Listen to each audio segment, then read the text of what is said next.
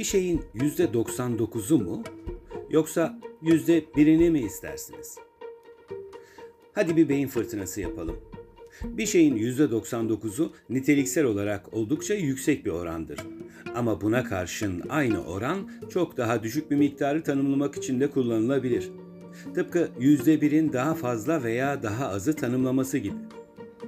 Şimdi bir örnek gerek bu hipotezi geliştirmek için öyle değil mi? Sağlıklı bir bedeniniz varsa ve onun bir parçası olan alt ekstremitenizin bir kısmını oluşturan ayak ve bacaklarınız da oldukça sağlıklıdır eminim.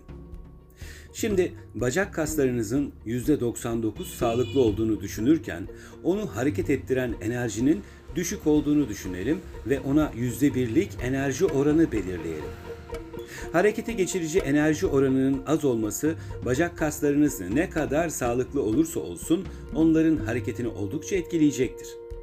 Maddenin yeterince iyi ve yeterli güce sahip olması o maddeye enerji veren gücü kendinde bulamazsa ne kadar sağlıklı olursa olsun işin rengini değiştirir öyle değil mi? Bu analojiyi tersine çevirirsek yani %99 enerjik, %1 sağlıklı olunsun yine neredeyse aynı çıkarıma ulaşırız. Tabii içinde bulunulan durumlar kişisel algının da katkısıyla değişme özelliği gösterebilir. Bir insanın ayaklarını sağlıklı bir şekilde kullanamıyor olması içindeki enerji miktarı ne kadar çok olursa olsun farklı bir dünya görüşü olacağı anlamına gelir.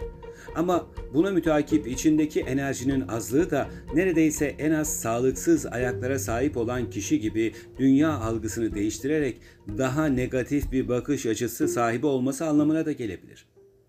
Ellerin sağlıklı olması, gözün iyi görmesi, kulakların iyi duyması hep bu minvalde düşünülebilir.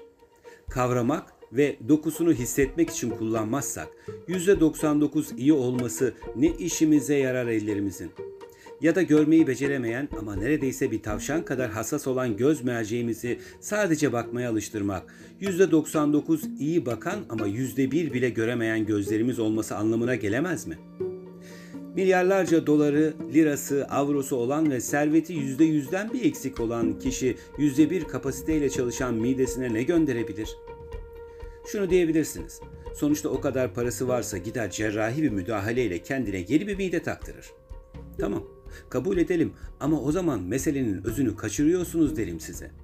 Bir şeyin yüzde 99'u başka bir şeyin yüzde birini bile bazen karşılamaz. Çocukken yüzde 99 olan şey zamandır. Gençken %99 olan şey enerjidir.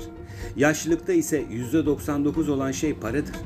Yani çocukken, gençken ve yaşlandığınızda %99 sahip olduğunuz çoğu şey %1 ile yer değiştirir. Sonuç olarak denilebilir ki sahip oldukların değil, şahit oldukların ve bu şahitliği ne kadar doğru ve anlamlı yerine getirebildiğinle alakalıdır her şey. Astrofizikçi Neil Tyson'ın da dediği gibi evrimsel olarak unutulmaması gereken önemli bir konu da %1'lik gen farkıyla %99 benzediğimiz şempanzelerden ayrılmamız gerçeğidir. O halde kim ya da kimler hangi yüzdenin daha kıymetli ya da daha kıymetsiz olduğuna karar verebilir ki? Sağlıcakla kalın.